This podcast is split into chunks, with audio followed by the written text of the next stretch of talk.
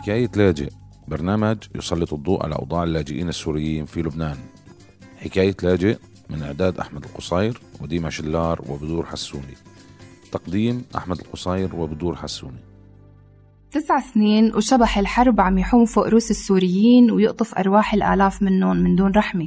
ليهرب الباقي منهم من الموت لأحضان الغربة ويصيروا لاجئين خارج حدود الوطن ويخوضوا حرب جديدة ما أقل من يلي قبلها.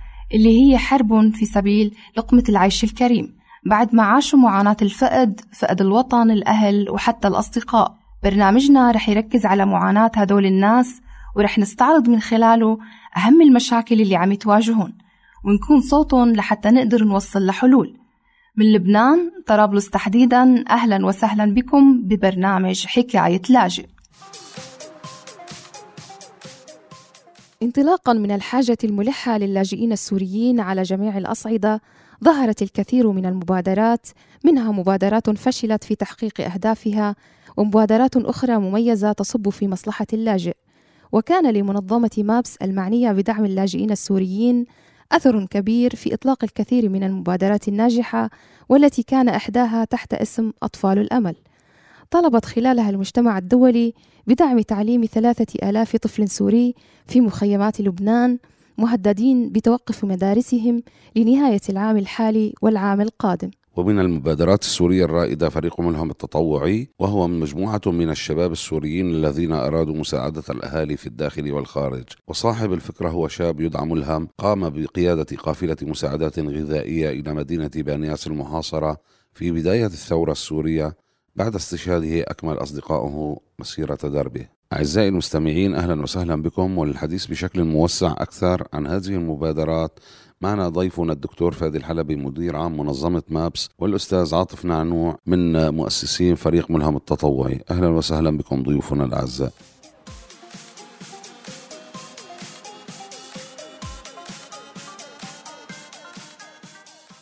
كثيرة هي المبادرات السورية التي حصلت منذ بداية الثورة في سوريا ومنذ بداية ما يحصل في سوريا. لكن قليلة هي المبادرات التي نجحت فيما تقدمه للاجئين السوريين في بلدان الجوار أو ضمن سوريا.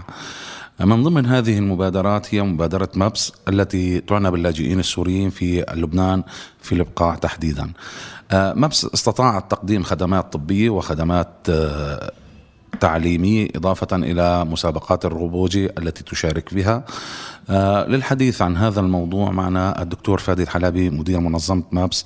آه ليحدثنا عن آه موضوع هذه المبادرة وما استطاعوا تحقيقه من ضمن هذه المبادرة وما هي الصعوبات التي واجهتهم حتى الآن. تحياتي دكتور. الله يعطيكم العافية وشكرا على اللقاء وتحية لك وتحية للمستمعين. دكتور فادي يعني مبادرة مابس آه، من المبادرات اللي أصبحت آه، لها اسم رنان إن كانت على مستوى العالم أو ضمن لبنان والوطن العربي. آه، نحن بدنا نسمع منك كيف أتت فكرة مابس؟ كيف أنشأت هذه المنظمة؟ وشو الخدمات اللي عم تستطيعوا تقدموها؟ بداية خلينا نرجع لسوريا قبل 2011 سوريا قبل 2011 كان حجم المبادرات المدنية فيها ومساحة عمل المجتمع المدني داخل سوريا هو ضئيل. فبالتالي بعد 2011 آه، كان واحدة من خيارات المجتمع السوري الأساسية لواحد مساندة المجتمع ذات نفسه ولأجل تحقيق بعض القيم يلي طلعت فيها الجماهير السورية بال 2011 يلي كانت الكرامة ولا الحرية ولا آه، التحرر من استبداد آه، معين. كان ضروري الدخول ضمن مساحات مجتمع مدني معين. آه، يلي حابب احكيه إنه المجتمع المدني السوري كان مجتمع وليد وجديد. فبالتالي الكثير من المبادرات بلشت وما لاقت النجاح ليس بسبب سوء الأفراد اللي فيها لكن آه، نحن كمجتمع سوري خبرتنا كانت بعمل المدني كانت آه، ما تزال فينا نقول بمراحلها الأولى. آه، نرجع لمابس. مابس هي فكرة مجتمعية مؤطرة ضمن إطار عمل منظمة إنسانية. آه، شو عم بعني شو الفرق بين العمل المنظمة الإنسانية والعمل المجتمعي؟ العمل المجتمعي هو عمل مضبوط لأجل تحقيق مجموعة من القيم الهامة بالنسبة لنا كمجتمع سوري. مثل ما أعلنا نحن كمبادرة مابس أنه من أهم القيم يلي حابين نشتغل عليها هي قيمة الكرامة ال dignity للاجئين السوريين. بينما العمل ضمن إطار المنظمات الإنسانية فقط هو يعتمد فقط على تقديم خدمات خدمات تعليمية طبية خدمات إسكان shelter وهذا في فرق كثير بين العمل كمبادئ مجتمعية والعمل كمنظمات إنسانية. وهي المبادرة كمابس اللي حابين حتى نطلقها لكل العالم كتجربة للسوريين كانت كيفية الاستثمار بالعمل الإنساني كخدمات مقدمة لتحقيق أهداف مجتمعية. أن لا نكون فقط ضمن محددات العمل الإنساني أو تقديم الخدمات فنكون أشبه بمقاربة بزنس للعمل الإنساني. وهذا الشيء المرفوض كليا بالنسبة لنا. مبادرة مابس هي مبادرة مجتمعية. وضعنا هدف مجتمعي. نحاول الاستثمار آه، قدر استطاعتنا بالخدمات التعليمية اللي عم نقدمها لتسع مراكز تعليمية ضمن المخيمات اللاجئين السوريين يلي تحوي ما يقارب 3000 طالب. ضمن مستوصفاتنا اللي فيها أعداد مرضى تقارب 12000 مريض شهريا. ضمن برنامج التدريب المهني ولا التدريب الإبداعي للطلاب. هذا كله يصب بمنحى كيفية تحقيق أهداف مجتمعية. مشان هيك أنا أعشق ك ك ك كمؤسس لمبادرة مابس. كلمة مبادرة مابس وليس منظمة مابس لأن بالأطر القانونية هي منظمة لكن بالفكر والاستراتيجيات هي مبادرة. مرحبا أستاذ عاطف. أهلا بدور. وشكرا لكم لاستضافتي بهذه الحلقة. أستاذ عاطف هل تحدثت لنا كيف بدأت فكرة الفريق ومتى تأسس بشكل رسمي؟ آه، فريق ملهم التطوعي بلش بشهر 10 2012 بعد أربع شهور من استشهاد صديقنا ملهم طريفي. ملهم كان شاب طالب جامعي حبينا نخلد ذكراه بعد نزوحنا أو لجوءنا للأردن. كنا عشرة طلاب جامعيين بجامعة فيلادلفيا بالأردن بكلية الهندسة. قررنا وبعد افتتاح مخيم الزعتري أنه نساعد الأطفال الموجودين فيه. فكانت الفكرة أنه نسمي اسم الفريق على اسم. صديقنا ملهم لأنه ملهم كان من أوائل الأشخاص اللي طلعوا بالثورة السورية واستشهد ب 10 6 2012 بقصف من طيران مروحي بريف اللاذقية آه، فترة بعد فترة بلش الفريق آه، يكبر ويزيد عدد الأعضاء. صرنا ما بس نساعد الأطفال بالزعترة صرنا نساعد الناس اللي جايين جديد لاجئين على الأردن بكل لوازمهم يعني سواء كانت غذائية أو غير غذائية. وكمان صرنا نساعد الحالات الطبية اللي كانت تجي على الأردن وخاصة الجرحى. آه، فبهي الفترة آه، صار يزيد عدد اللاجئين كثير واستغلينا مواقع التواصل الاجتماعي ومعارفنا لنأسس صفحة على الفيسبوك وبالتالي ننزل هاي الحالات والناس تستجيب لها. وبأول شتوية مرت على اللاجئين بالأردن بعد شهرين من التأسيس. طبعا كان التأسيس بشكل غير رسمي. بأول شتوية أطلقنا حملة خيرك دفع اللي هي مختصة بتأمين مواد تدفئة للاجئين من بطانيات وحرامات وصوبيات. صرنا نوزع العائلات بمناطق متفرقة بالأردن. بقي الفريق كمبادرة غير مرخصة حتى سنة 2015 بهي السنة انتقلنا لتركيا وصار عندنا متطوعين للفريق عاملين بالداخل السوري وتركيا ولبنان بالإضافة للأردن ب 2015 كنا 70 متطوع فتحنا حساب بنكي بناء على الترخيص اللي رخصناه بتركيا وصار عندنا موقع إلكتروني مختص بجمع التبرعات أونلاين. أي حدا صار فيه يدفع للفريق آه، من خلال ال PayPal أو ال credit cards وبأول 90 يوم بعد إطلاق الموقع قدرنا نجمع تقريبا مليون دولار لأهلنا النازحين والمحاصرين بالداخل السوري أو اللاجئين بتركيا ولبنان والأردن.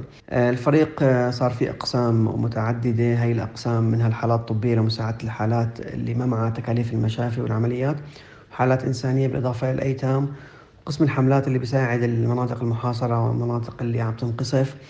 ومخيمات النزوح وقسم التعليم اللي بيساعد الطلاب الجامعيين على إكمال دراستهم أو التلاميذ من خلال مراكزنا ومدارسنا المنتشرة بالمنطقة. هلأ بالنسبة لمبادرة مابس يعني لا يخفى على أحد يستطيع القدوم إلى منطقة البقاع اللبنانية إن كان الغربي أو الأوسط إلا أنه يشاهد كلمة مابس موجودة إما ضمن مخيم أو على مستوصف أو آه، ضمن مسابقة أو ضمن حضور رسمي أو أي شيء من هذا القبيل. آه، آه، المبادرة شقد صار عمرها تقريبا نحن فينا نقول. إضافة إلى أنه هذه المبادرة شو استطاعت تحقيق أهداف إلى حد الآن؟ وشو الصعوبات اللي واجهتها إما في البداية والتي تواجهها إلى الآن؟ هلا آه، كمبادرة مابس نحن الآن سندخل الآن في العام السابع الحمد لله للعمل آه، في آه، في لبنان.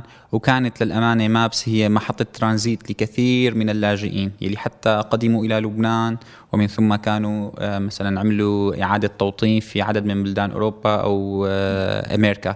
فالفكرة كانت واحدة من أهم الشغلات اللي كنا نرجوها عند مرور أي لاجئ من خلال مابس أن تتغير طريقة تفكيره بالمجتمع.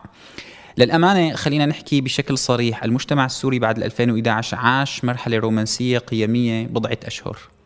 تلا ذلك بعض الفجوات القيمية وخصوصا بمجتمع اللاجئين يلي تردت الحالة الإنسانية لهم فوجدنا كناس عم نشتغل على الأرض آه، كخارطة قيم مجتمعية للمجتمعات اللاجئين في عنا كتير فجوات. منها مثلا فجوة تحقيق الكرامة. منها مثلا فجوة الانتظار. على طول اللاجئ يعيش بحالة لا فعالية دوما ينتظر. ينتظر إما أن يعود إلى بلده أو ينتظر أن يعود أو أن يأخذ أو يحصل على فيزة إعادة توطين ببلدة أوروبية معينة. حالة الانتظار هي حالة سلبية للاجئين لأنه تستدعي حالة عدم فعالية.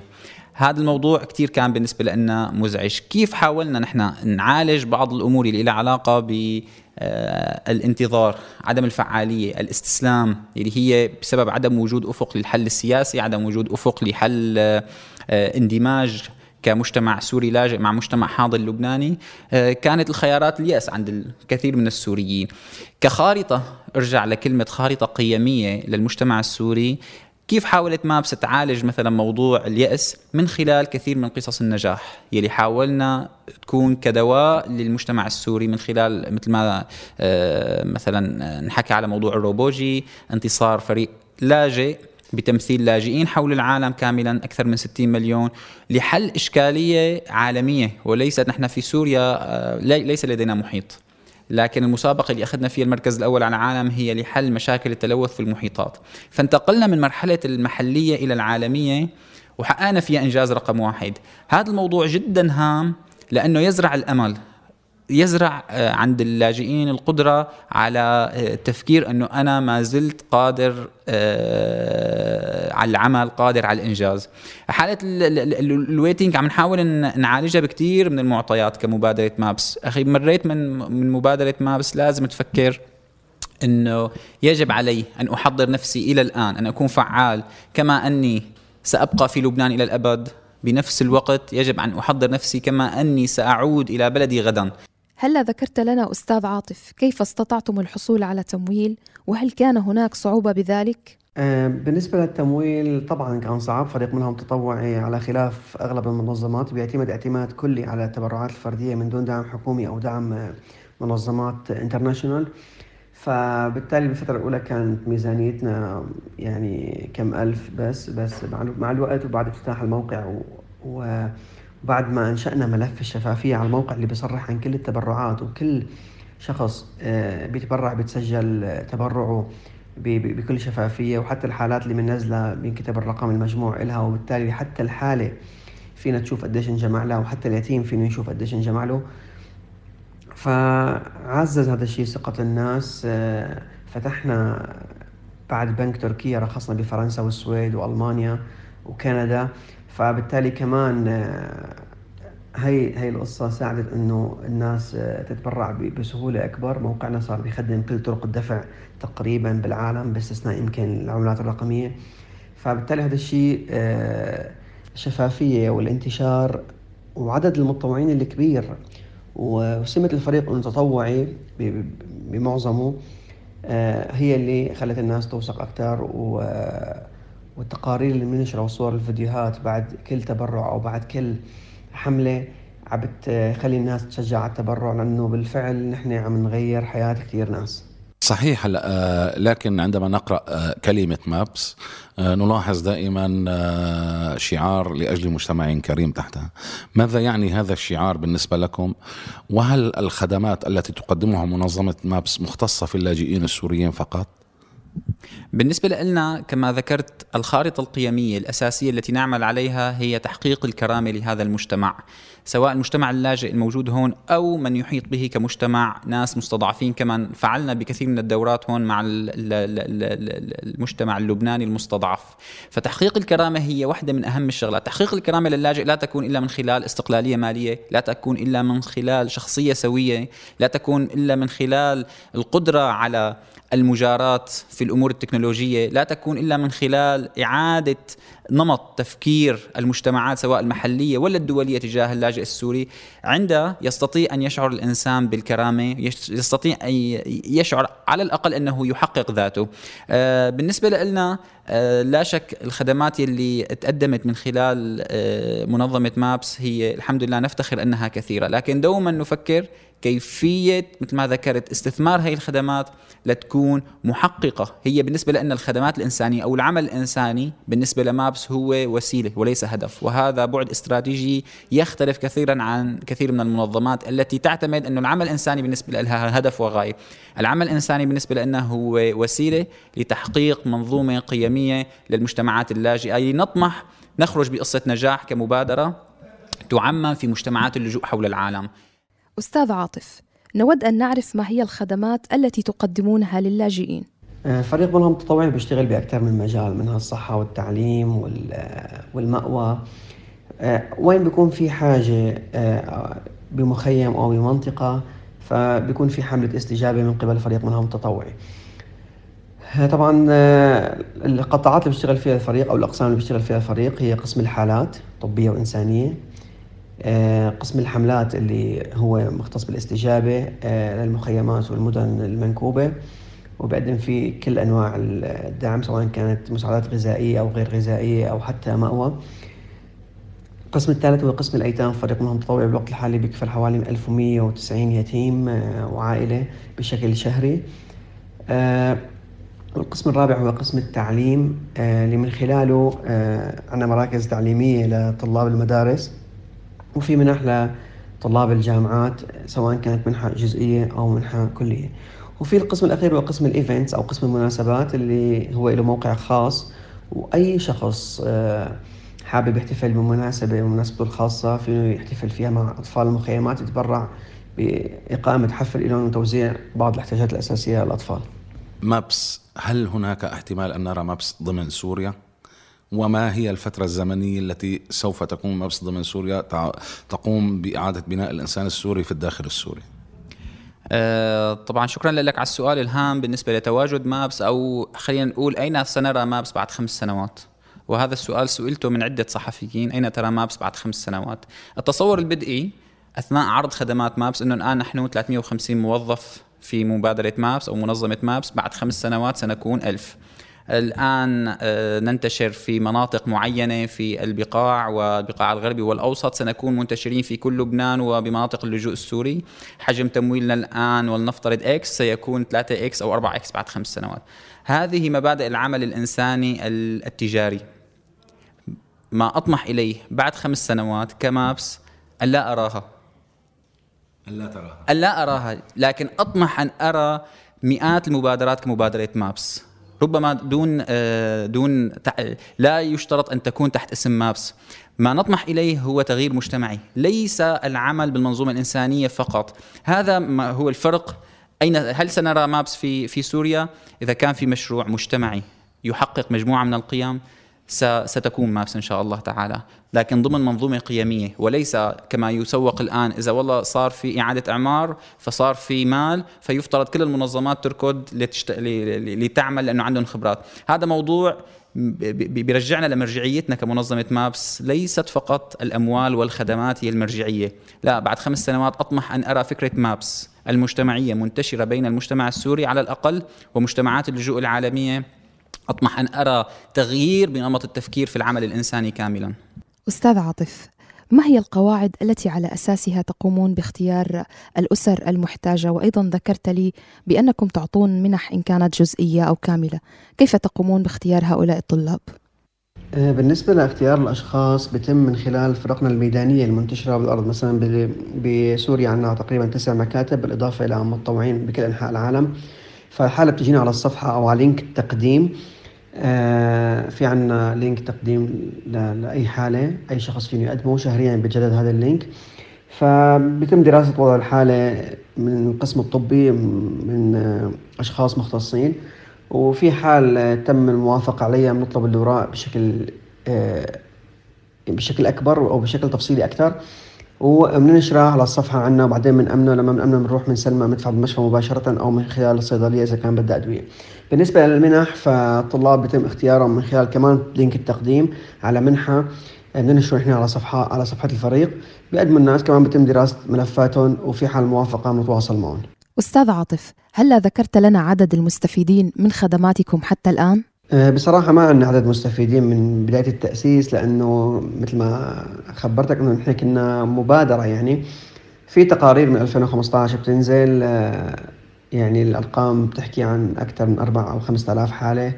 أه، مثل ما حكيت في 1200 يتيم شهريا بتم مساعدتهم بقسم الحملات. في عشرات الآلاف من الناس بتم مساعدتها من من الحملات. مثلا على سبيل المثال متكفل فريق ببعض المخيمات اللي فيها آلاف العيال. آه، كل قسم له إحصائية وهذا الشيء يعني ما فيني أشرحه بمكالمة واحدة. آه، في تقارير سنوية للفريق بتنزل وهي بتبين هذا الشيء. نود أن نعرف أستاذ عاطف ما هي أهدافكم وخططكم المستقبلية؟ أنا بتمنى يجي اليوم اللي نوقف فيه عمل وما يكون بقى في أي مستفيد أي أي محتاج. آه، لأنه نحن يعني الناس تعبت ونحن كمان تعبنا. يعني كثير متطوعين هن تاركين آه، مجالات عملهم و... واختصاصاتهم عم بيشتغلوا بهذا العمل من سنين على أساس سنة ولا سنتين وبنرجع لشغلنا.